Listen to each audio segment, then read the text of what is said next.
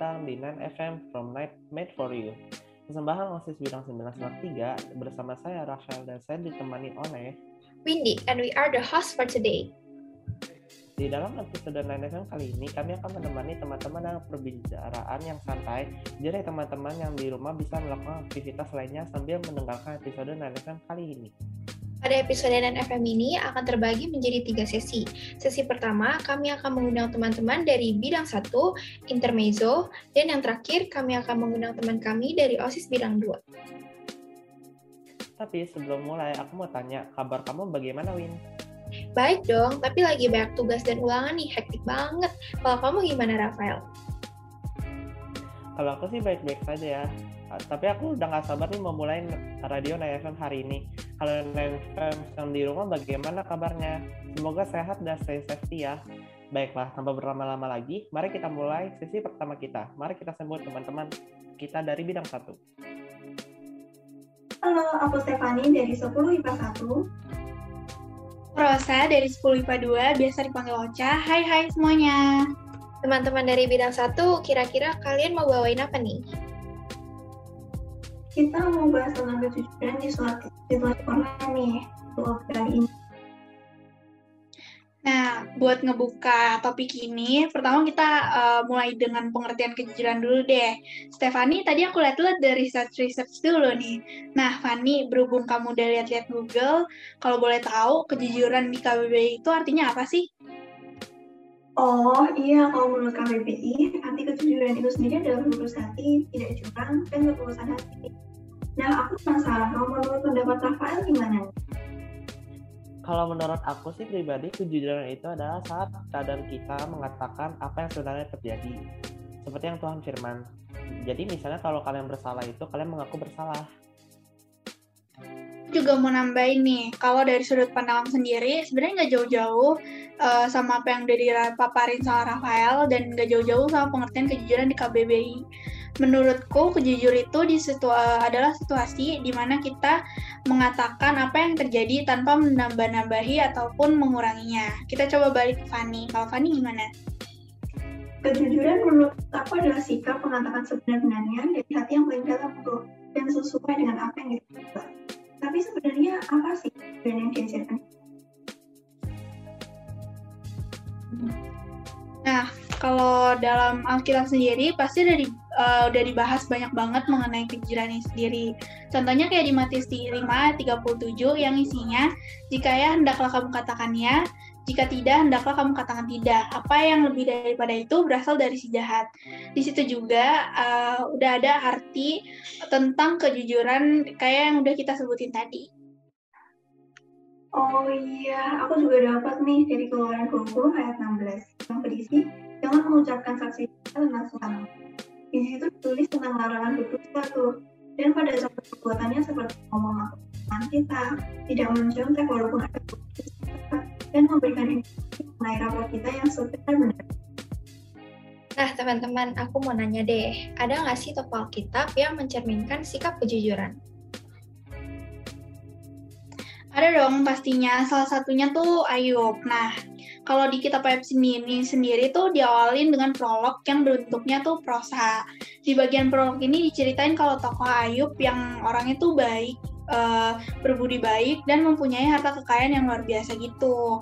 Suatu saat tuh Tuhan nanya ke Iblis tentang kesalahan Ayub, tapi Iblis malah jawab kalau Ayub tuh setia sama Tuhan karena berkat yang dia terima aja. Tapi kalau misalnya Tuhan ambil semuanya, Ayub juga bakal berbalik dari Tuhan. Terus diberi uh, Iblis pun diberi uh, diberi izin sama Tuhan untuk memberikan pencobaan kepada Ayub. Ayub kehilangan anaknya, keluarganya, semua harta kekayaannya. Ayub juga lenyap habis. Nggak sampai di situ aja. Ayub bahkan sampai kena penyakit kulit yang menjijikan. Namun uh, setelah semua itu Ayub tetap saleh dan tidak mengutuki Allah. Dia tetap agak berbalik dari Tuhan. Nah, masuk ke bagian utama yang isinya monolog dan dialog berbentuk puisi. Di bagian utama ini, Ayub yang udah ngalamin banyak hal-hal yang pastinya nyakitin dan gak enak mulai berkeluh kesah tentang kematiannya yang gak kunjung datang-datang.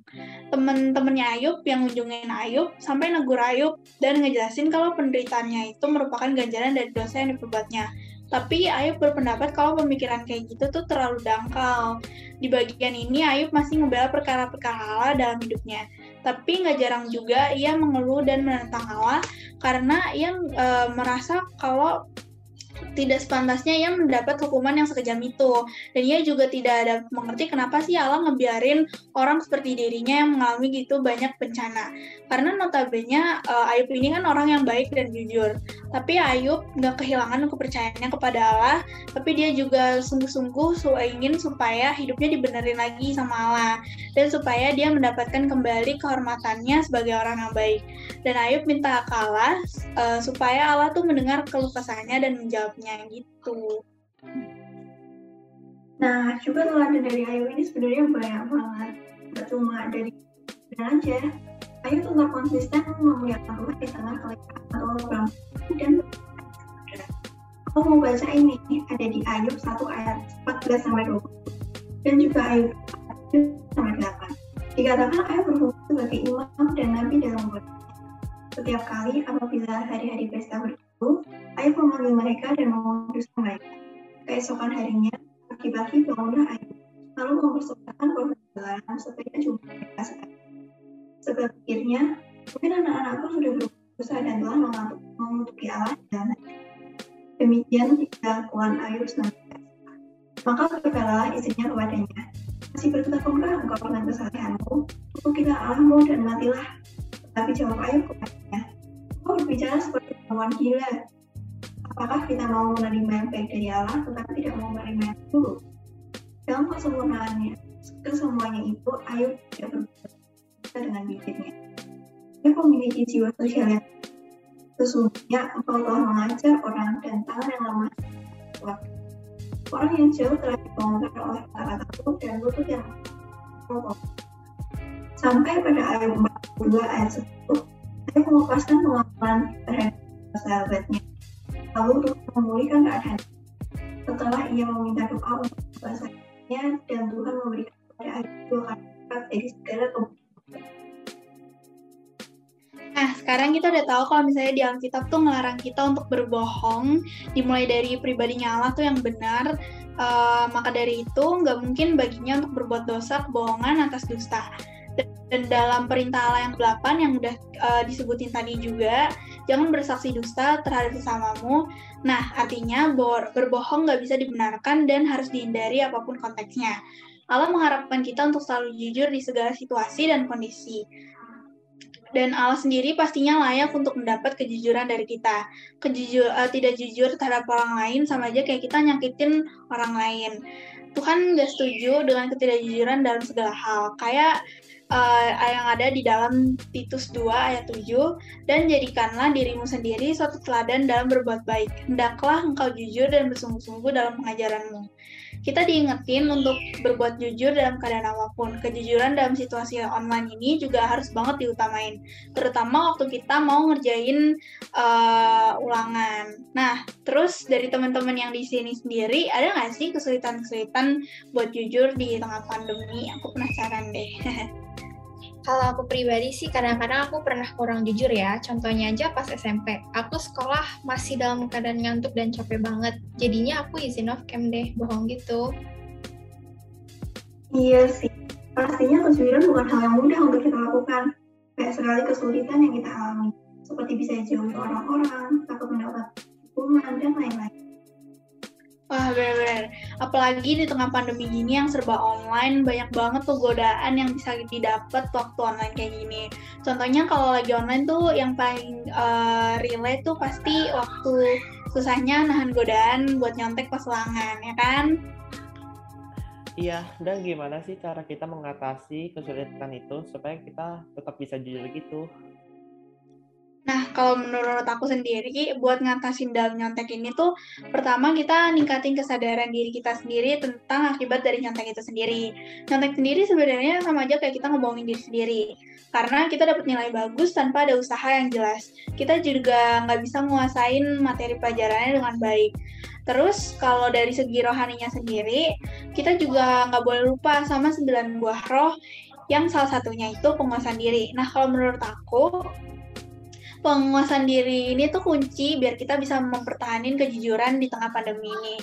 Penguasaan diri sendiri bisa ngebantu kita untuk tetap bisa fokus sama prinsip kita untuk tetap jujur dan konsisten kayak Hayop.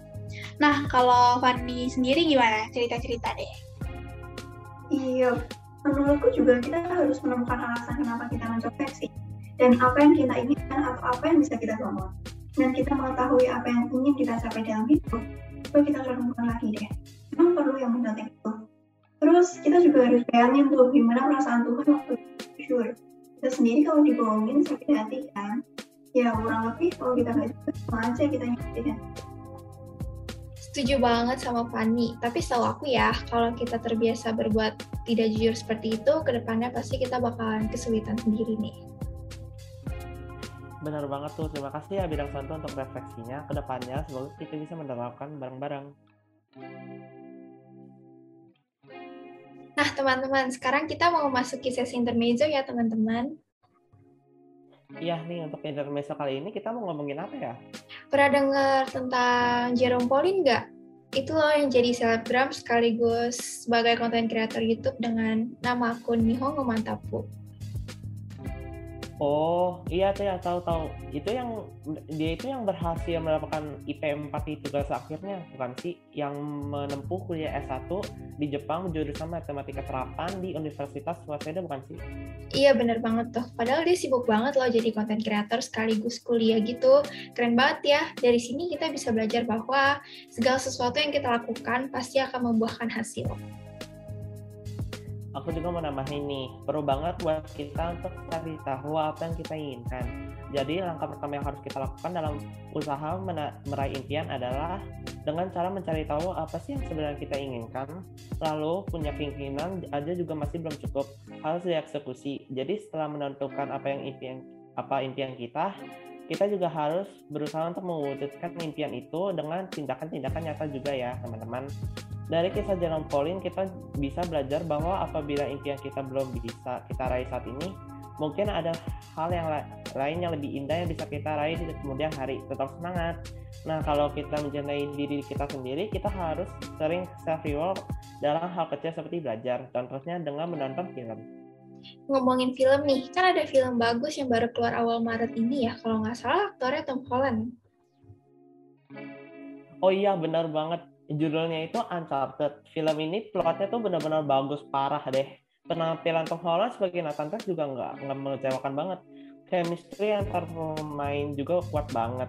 Intinya tuh kalau kalian penasaran dan kepo sama pesan-pesan di film Uncharted ini, boleh banget deh langsung nonton filmnya. Seriusan, jadi pengen nonton nih. Oh iya teman-teman, kalian bisa kalau mau kirim cerita melalui Kubola yang ada di kolom deskripsi atau gdpd.xyz slash 9fm 3. Nantinya cerita itu akan kita bacakan secara anonim di sesi intermezzo episode 9fm selanjutnya. Oke, wah teman-teman seru banget ya intermezzo yang tadi. Nah sekarang saatnya sesi kedua. Pada sesi kedua kita akan mengundang bidang dua. Bakal seru nih kita ngobrol-ngobrol. Kalau gitu langsung aja kita kenalan sama mereka.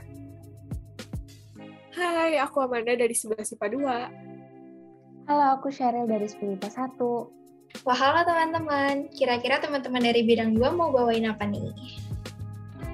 Aku nggak mau spoiler, ah, aku mau nanya dulu deh. Uh, biasa kalian tuh seringnya main sosmed apa sih? Kalau aku sih sering banget pakai yang namanya TikTok dan Instagram. Kalau aku pribadi sih Instagram dan Twitter.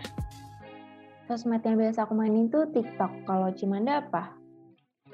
Hmm, aku nggak punya TikTok sih. Biasa aku mainnya Instagram. Kamu sering main IG nggak? Lumayan sering sih, tapi aku lebih sering buka TikTok. Hmm, biasa kalau di TikTok itu liatin video apa aja? Biasanya aku lihat video nari gitu sih, Ci. Keren-keren soalnya. Aku juga suka bacain komen-komen di video TikTok gitu biasa komennya banyak yang positif apa yang negatif sih? Beberapa sih ada yang positif, ada juga yang tidak berhubungan dengan kontennya. Tapi beberapa juga ada yang negatif. Kalau menurut Cheryl gimana?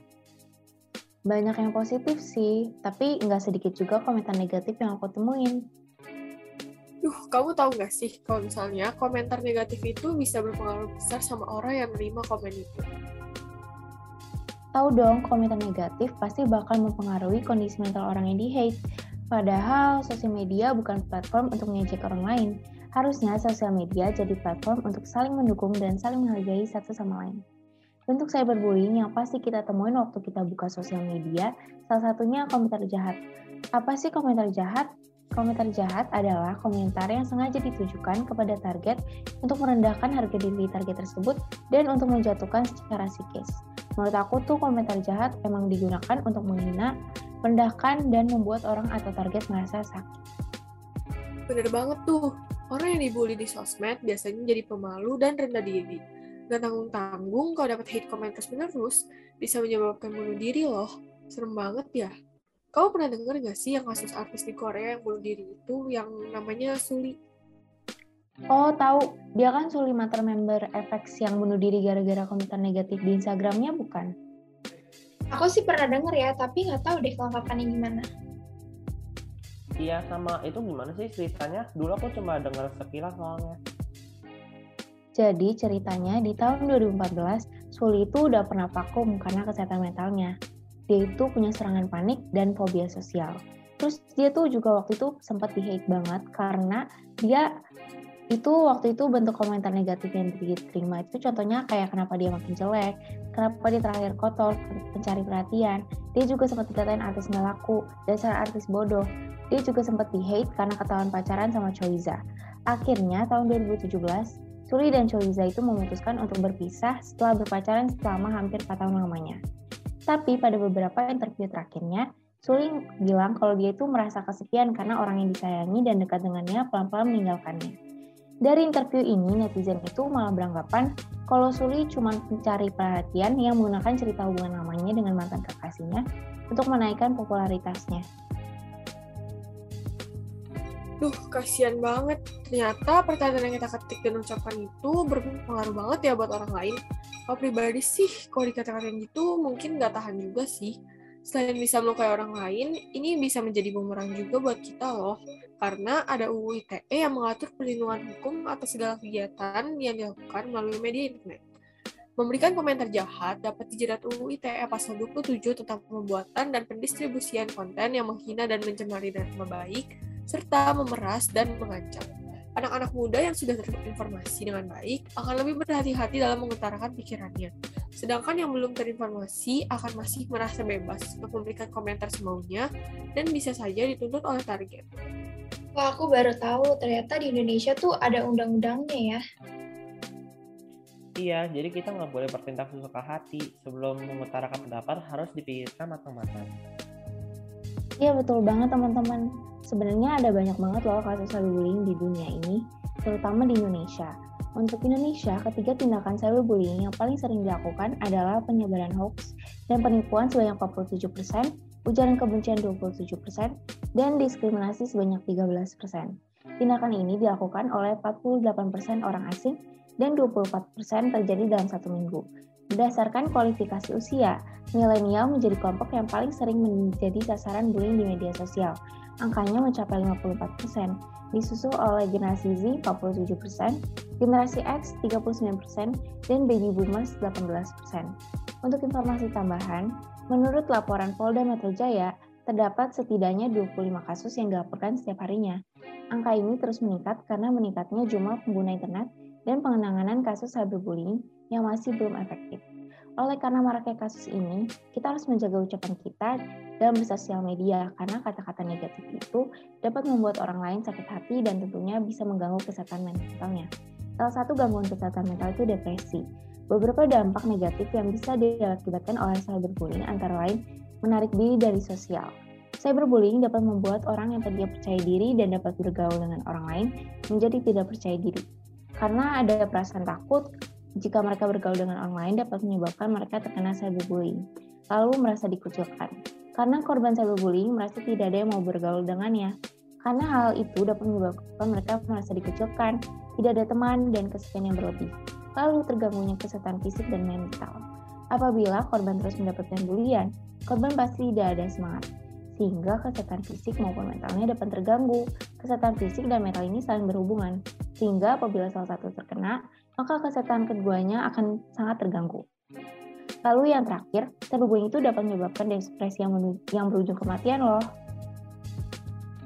Nah, teman-teman, ayo kenali gejala depresi. Salah satu gejala depresi yang paling umum pada fisik adalah selalu merasa kelelahan dan hilang tenaga, selera makan menurun atau tidak selera makan, insomnia atau malah terlalu banyak tidur, pusing atau rasa nyeri yang tidak jelas alasannya, pergerakan tubuh dan bicara yang lebih lambat dari biasanya, dan perubahan berat badan. Dari aspek psikologi, ciri-ciri depresi ada lumayan banyak nih. Aku coba sebutin ya. Yang pertama, selalu dibebani rasa bersalah, merasa putus asa, rendah diri, dan tidak berharga, selalu merasa cemas dan khawatir yang berlebihan, suasana hati yang buruk atau sedih secara berkelanjutan, mudah marah atau sensitif, serta mudah menangis, sulit berkonsentrasi, berpikir, dan mengambil keputusan, tidak tertarik dan tidak memiliki motivasi terhadap segala hal, dan timbul ide untuk menyakiti diri sendiri atau percobaan bunuh diri. Jika ini terjadi pada kamu, atau orang-orang di sekitar kamu seperti teman, saudara, atau keluarga, dianjurkan untuk melakukan konsultasi langsung ke psikolog. Meskipun belum ada cara yang pasti untuk mencegah depresi, tapi kita dapat melakukan hal-hal berikut ini yang mungkin dapat bermanfaat yang pertama, lakukan langkah-langkah pengendalian stres untuk meningkatkan ketahanan dan kepercayaan diri kita. Lalu dekatkan diri dengan keluarga dan teman, terutama pada masa-masa yang berat untuk menolong kita melewatinya. Dan yang terakhir, segera mencari pengobatan saat tanda depresi paling awal muncul untuk menolong mencegah depresi bertambah berat. Nah, bener banget tuh Cimanda. Ingat ya teman-teman, ucapan maupun ketikan kita sangat berpengaruh kepada orang lain. Ketiklah yang baik kepada orang lain karena itu juga akan berdampak baik bagi diri kita sendiri. By the way, aku pernah dengar peribahasa yang bagus dari Led nih.